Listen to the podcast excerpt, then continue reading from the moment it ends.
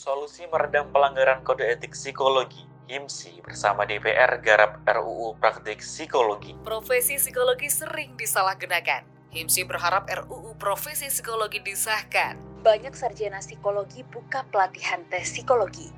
Benarkah kode etik sering dilanggar hanya oleh kalangan sarjana? Kesadaran akan kesehatan mental makin berkembang. Seberapa pentingkah payung hukum untuk profesi psikologi? Dinilai hanya menguntungkan profesi psikolog. RUU Profesi Psikologi justru mengekang keilmuan psikologi untuk berkembang.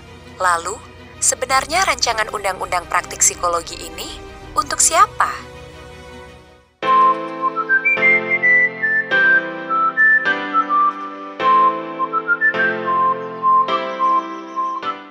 Selamat malam semuanya. Gimana kabarnya kira-kira ini? Semoga pada sehat, bahagia dan tentunya tebal isi dompetnya. Amin. Um, Oke okay, ku. Kita udah lama nih nggak bahas hal-hal yang kita uh, isu-isu terkini gitu kan. Kali ini kita akan membahas suatu profesi yang beberapa tahun terakhir cukup naik daun karena seiring perkembangan kesadaran masyarakat terkait kesehatan mental, yakni profesi psikolog. Ya, aku ya. Jadi ini DPR bekerja sama dengan Himpunan Psikologi Indonesia akan mengesahkan undang-undang praktik psikologi atau rancangan undang-undang praktik psikologi. Ya, nah, yang akan kita bahas adalah di sini RUU praktik psikologi ini untuk siapa gitu kan? untuk siapaku? ya untuk kamu dan untuk kita kamu dan kita oke okay.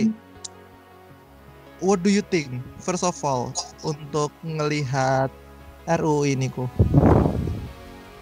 Ini kayak apa ya ini dasar hukum yang udah lama dinanti-nanti. Soalnya kan dari dulu tuh uh, orang-orang psikologi nggak punya ini nggak punya legitimate yang sekuat undang-undang ya bang ya. Hmm. dan ini tuh kayak jadi ini apa jadi oase. Tapi tunggu dulu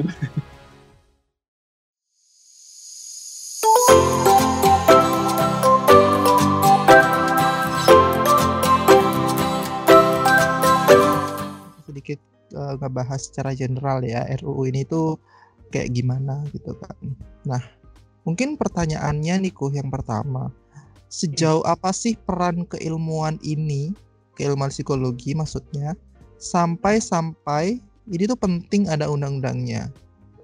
Bahkan aku lihat itu um, dasar kenapa undang-undang ini mau disahin itu tuh hmm. karena ada pelanggaran yang sering dilakukan oleh sarjana hmm. psikologi yang suka hmm. bikin pelatihan tes terus bikin alat tes atau melakukan asesmen gitu kalau menurut kamu sejauh apa sih sebenarnya peran keilmuan psikologi ini?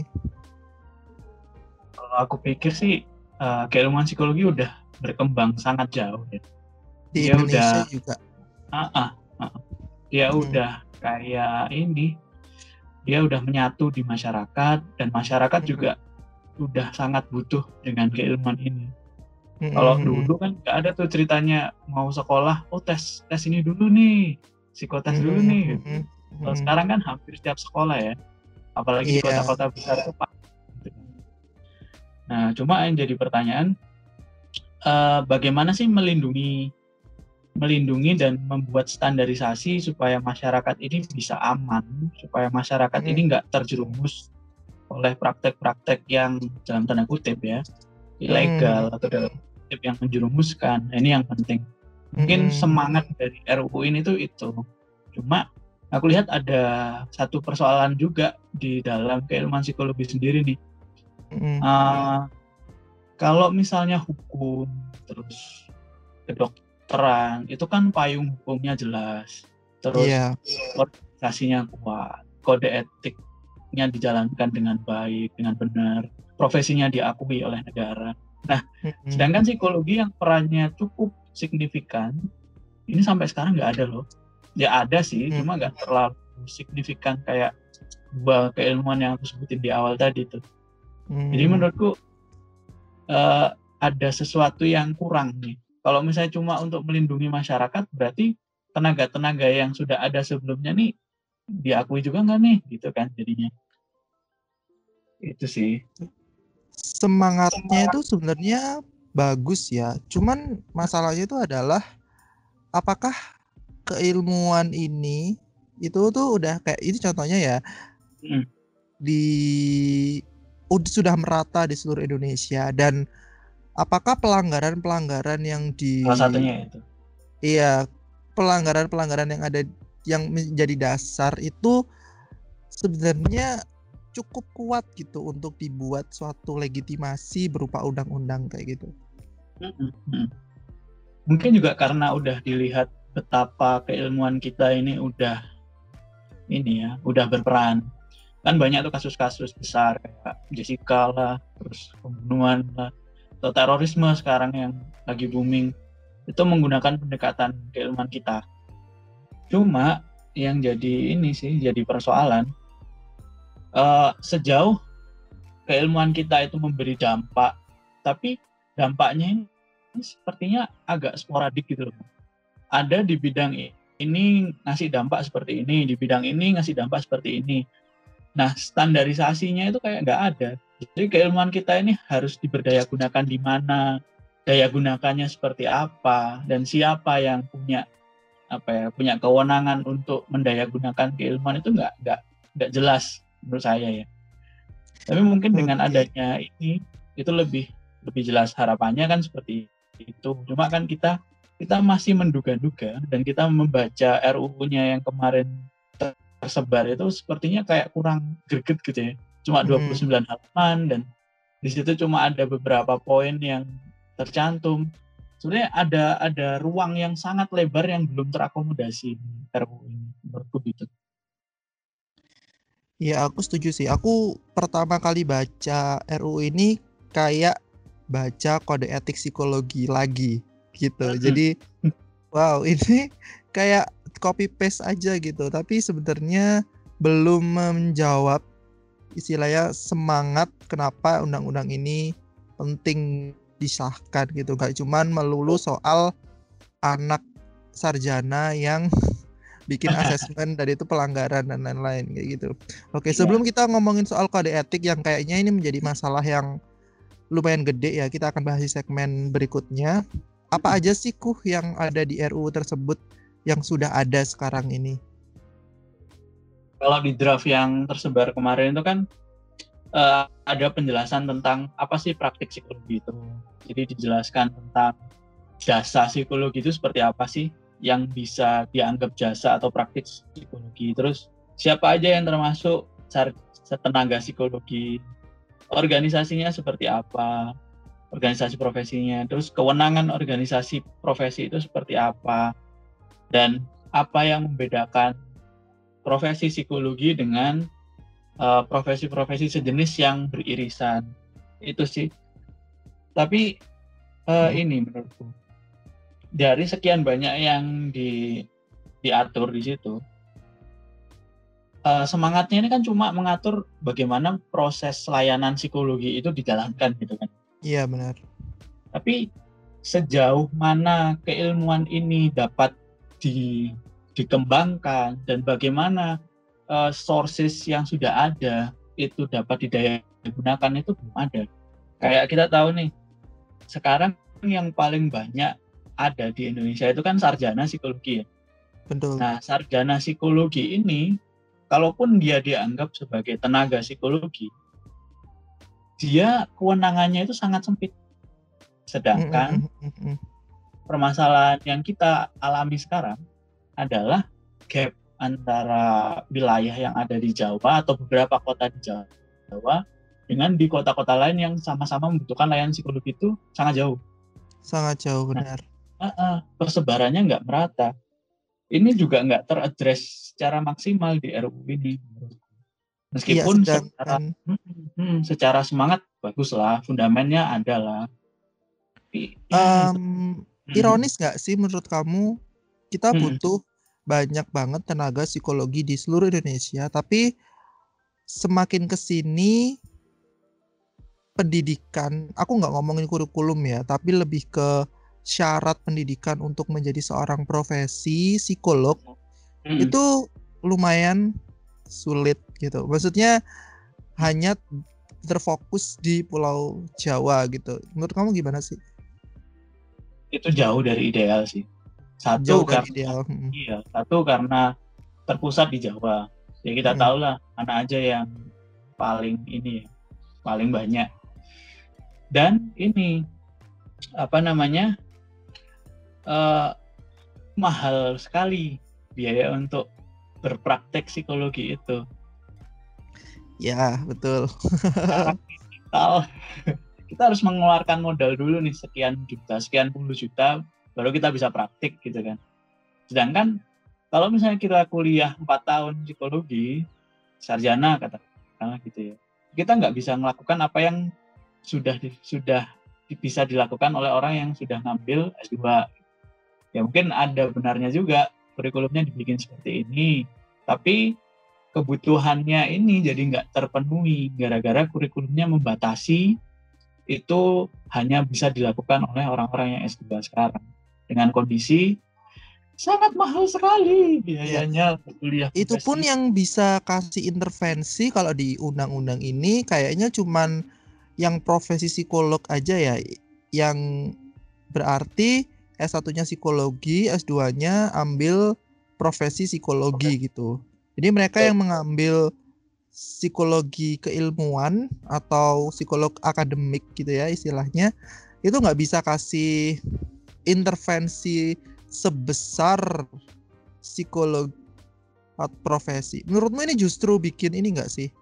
Bikin semacam keilmuan psikologi ini justru makin sempit gitu. Maksudnya gini, bisa aja orang yang awalnya dulu masuk teknik komputer atau misalnya komunikasi, marketing dan lain-lain, dia sadar bahwa dia punya passion atau dia ingin tahu tentang psikologi lebih lanjut gitu. Dia mengambil S2 dan yang bisa kan cuman keilmuan psikologi gitu ya.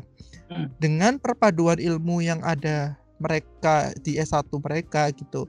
Terus mereka menjadi seorang psikolog akademik gitu kan. Itu kan bukannya justru memperluas range ini ya Iya. keilmuan kita supaya bisa lebih berkembang gitu.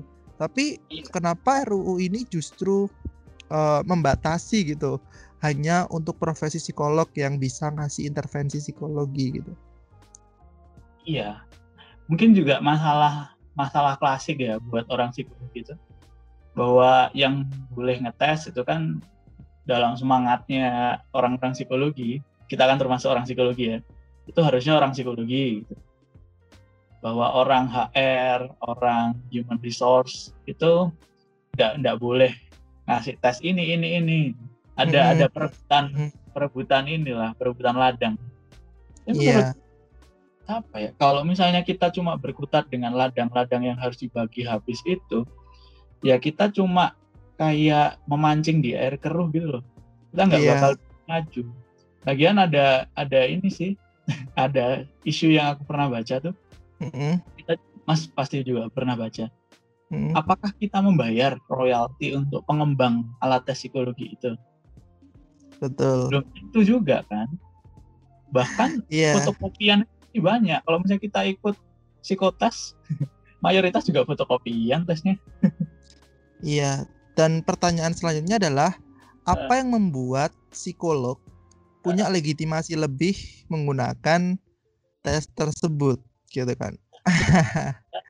apa yang membedakan gitu kan? Padahal ya sama-sama nggak izin gitu kan dari pembuatnya gitu.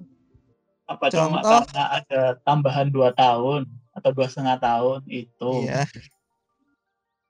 Iya, iya betul sekali ya. Ini dan ini em, pertanyaan abadi kan, pertanyaan abadi gitu. Betul sekali.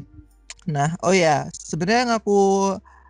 Cukup tertarik itu adalah kepanjangan dari HIMSI. HIMSI itu kepanjangannya dari apa sih? Himpunan Psikologi Indonesia. Psikologi kan ya, bukan psikolog kan ya. Ada i-nya nggak sih?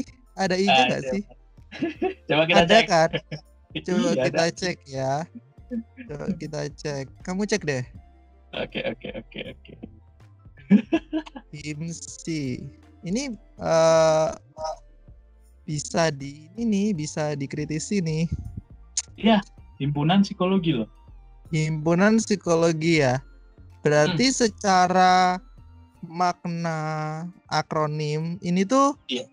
nggak cuman psikolog aja kan? Berarti juga mereka yang studi psikologi, mereka Ah. yang sudah lulus sarjana psikologi, s- profesi ya, profesi jelas ya.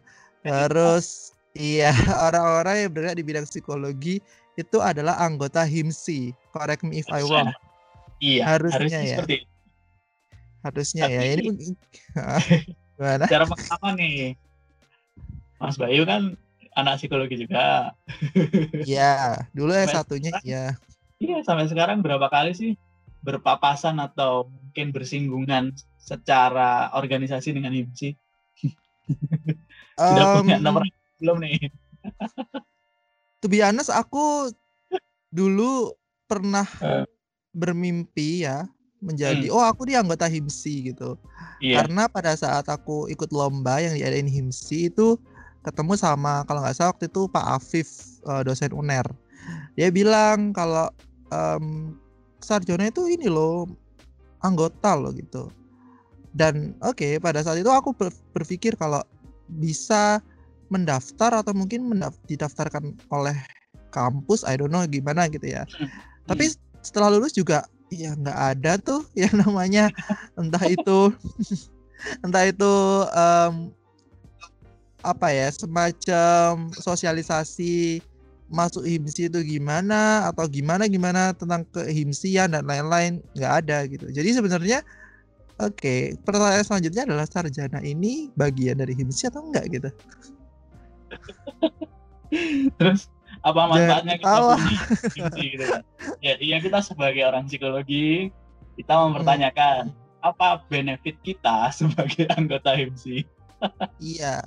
Eh, jangan tanya ah, jangan tanya benefit dulu. Kita dianggap anggota enggak gitu kan? Oke. itu aja masalah dasarnya belum terjawab gitu kan.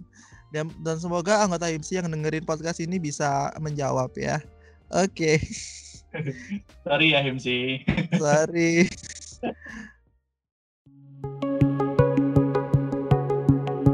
bicara mengenai kode etik nih kuh em, yang menjadi modal atau semangat awal RU ini dirancang gitu sebenarnya eh, pertanyaan mendasar gitu ya Hmm. Apakah pelanggaran kode etik ini itu selalu dilakukan oleh seorang sarjana psikologi?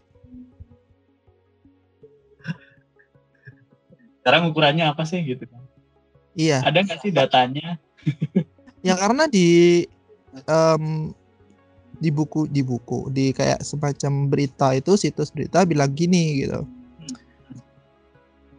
Profesi psikologi sering disalahgunakan. HIMSI berharap RUU profesi psikologi disahkan gara-gara anak sarjana banyak buka praktek. Baik, Hmm. modusnya mereka bocorkan soal dan mengajari cara mengisi tes psikologi seperti pada orang yang ingin ikut tes CPNS atau BUMN. Mungkin pertanyaan pertama adalah apakah itu saja semangatnya gitu? Yang kedua adalah kenapa menjadi penting gitu kalau pada akhirnya banyak sarjana yang melakukan hal tersebut?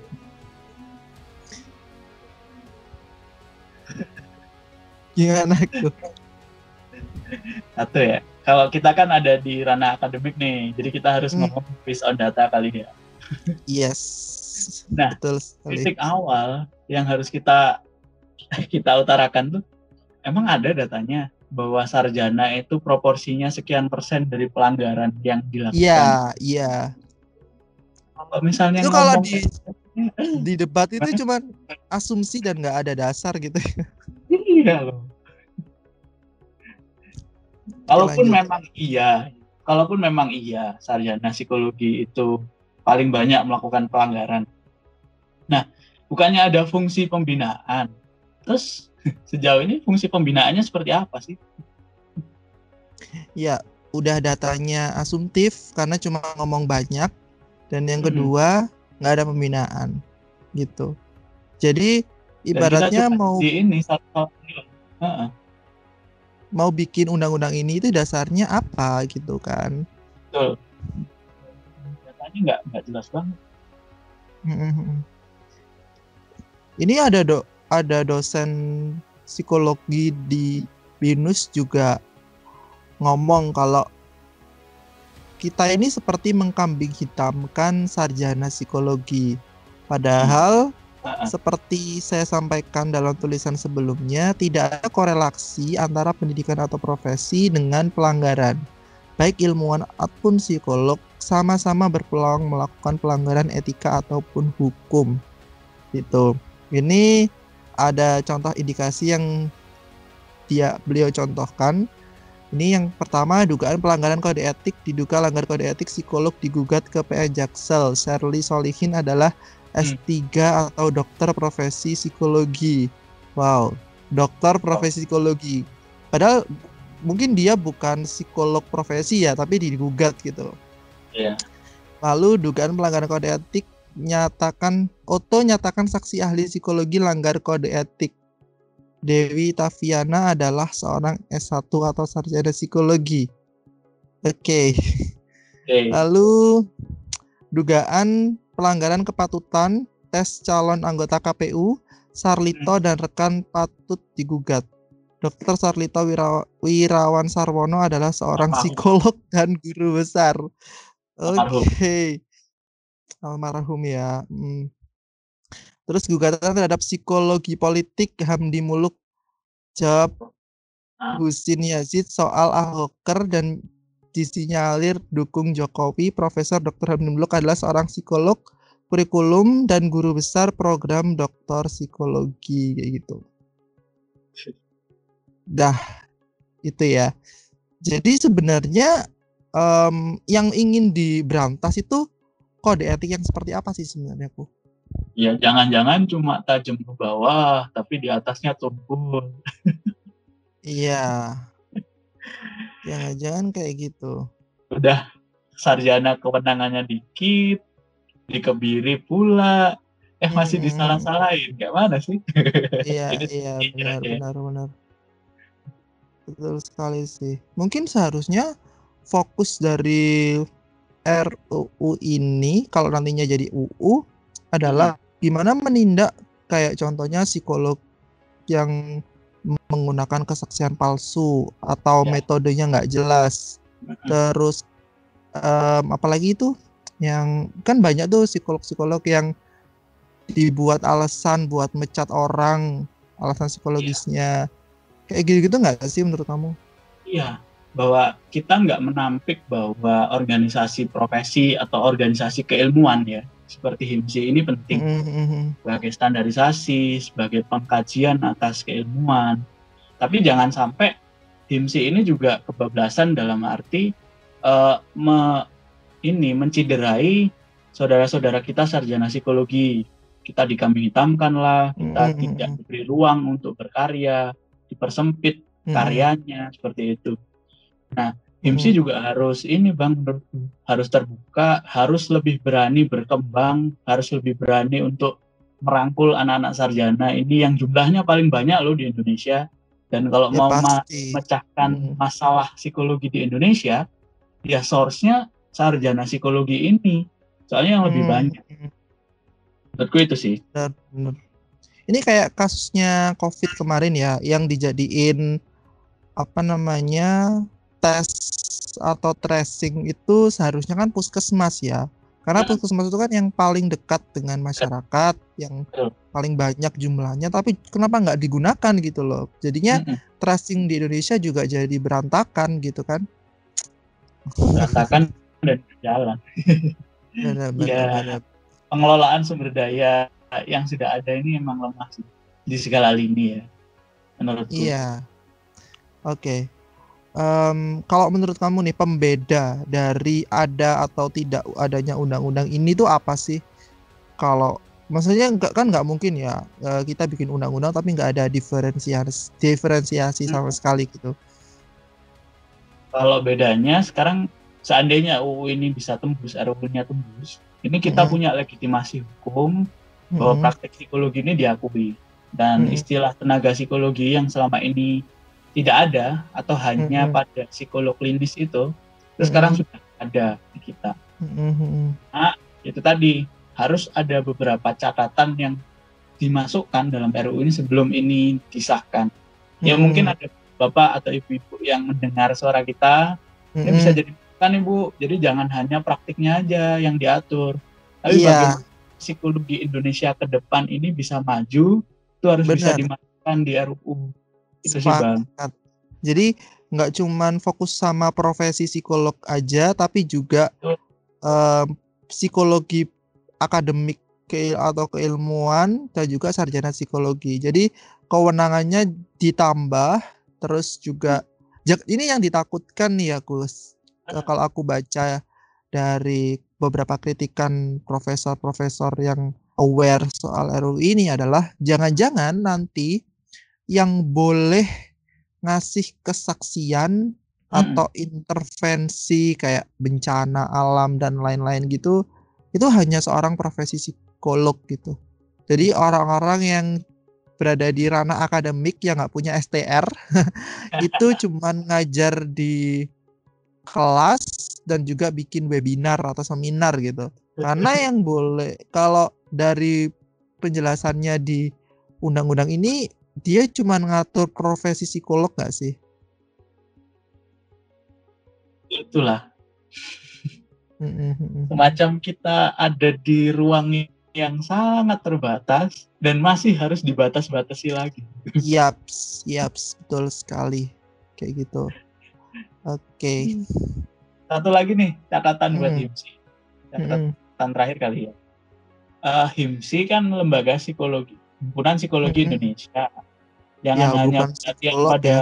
Heeh, jangan hanya perhatian pada psikolog dong. Jangan Mm. sampai nih ada lembaga lain atau himpunan lain, himpunan sarjana psikologi nih yang jadi ini jadi saingan. Iya benar. Betul sekali. Apalagi sekarang itu, em, oke ini sebenarnya pertanyaan yang aku pendam udah lama sih. Ironis gak sih eh, ketika ilmu pengetahuan itu gampang banget sekarang didapat ya. Hmm. Eh, kamu klik apa teori soal Abra Abraham Abraham siapa Abraham itu teori soal em, hierarki Maslow gitu itu di Ya. internet udah langsung thread gitu dan orang-orang psikologi pun juga gampang melihatnya gitu Em, tapi di satu sisi adalah ketika kita ingin menjadi seorang profesi Hmm. psikolog butuh waktu yang sangat lama gitu. Menurut kamu ini ironis atau emang seharusnya kayak gitu? Ya, kalau menurutku waktu yang akan menjawab sih, Bang. Bahwa Gimana perkembangan tuh? zaman perkembangan zaman udah seperti, seperti ini, bahwa ilmu itu sudah borderless, Mm-mm, bahwa keilmuan itu nggak bisa dibendung lagi, dan kita ini hidup di ranah yang transdisiplin. Kalau misalnya kita tetap eksklusif ya ilmu kita nggak bakal berkembang. Tapi ini pandangan Iya. pribadi. Mm-mm. Bahwa kalau ini psikologi mau berkembang ya psikologi harus mau membuka diri, psikologi juga harus mau berbenah, mengikuti zaman. Jangan sampai psikologi ini ada di zaman yang lain, zaman yang berbeda dengan zaman yang sebenarnya kita kita jalani gitu. I see, setuju sih.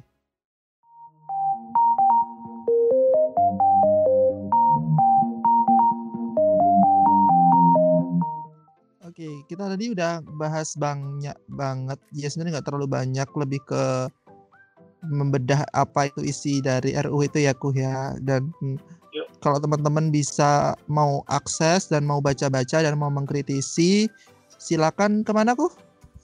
Silakan googling aja ya. Rancangan Undang-Undang Praktik Psikologi.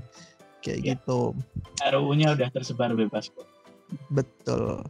Oke, sekian podcast kali ini. Semoga teman-teman jadi lebih tahu dan aware soal RU ini. Terutama terutama teman-teman yang berada di ranah keilmuan ini ya, Kuh. Terus Yuk. mungkin kamu ada closing statement, Kuh? ini sih eh, bahwa apa yang kita kritisi sekarang ini bukan berarti kita benci dengan psikologi loh ya Iya. bahwa kita ini sangat cinta dan kecintaan itu kita tuangkan dengan mengkritisi sesuatu yang kita anggap ada Mm-mm. sesuatu yang kurang nih dan harapan kita bahwa psikologi ini dapat berkembang bukan karena kita benci itu sih bang Betul sekali. Kalau aku mungkin ini mungkin agak nggak keluar topik, melebar topiknya ya.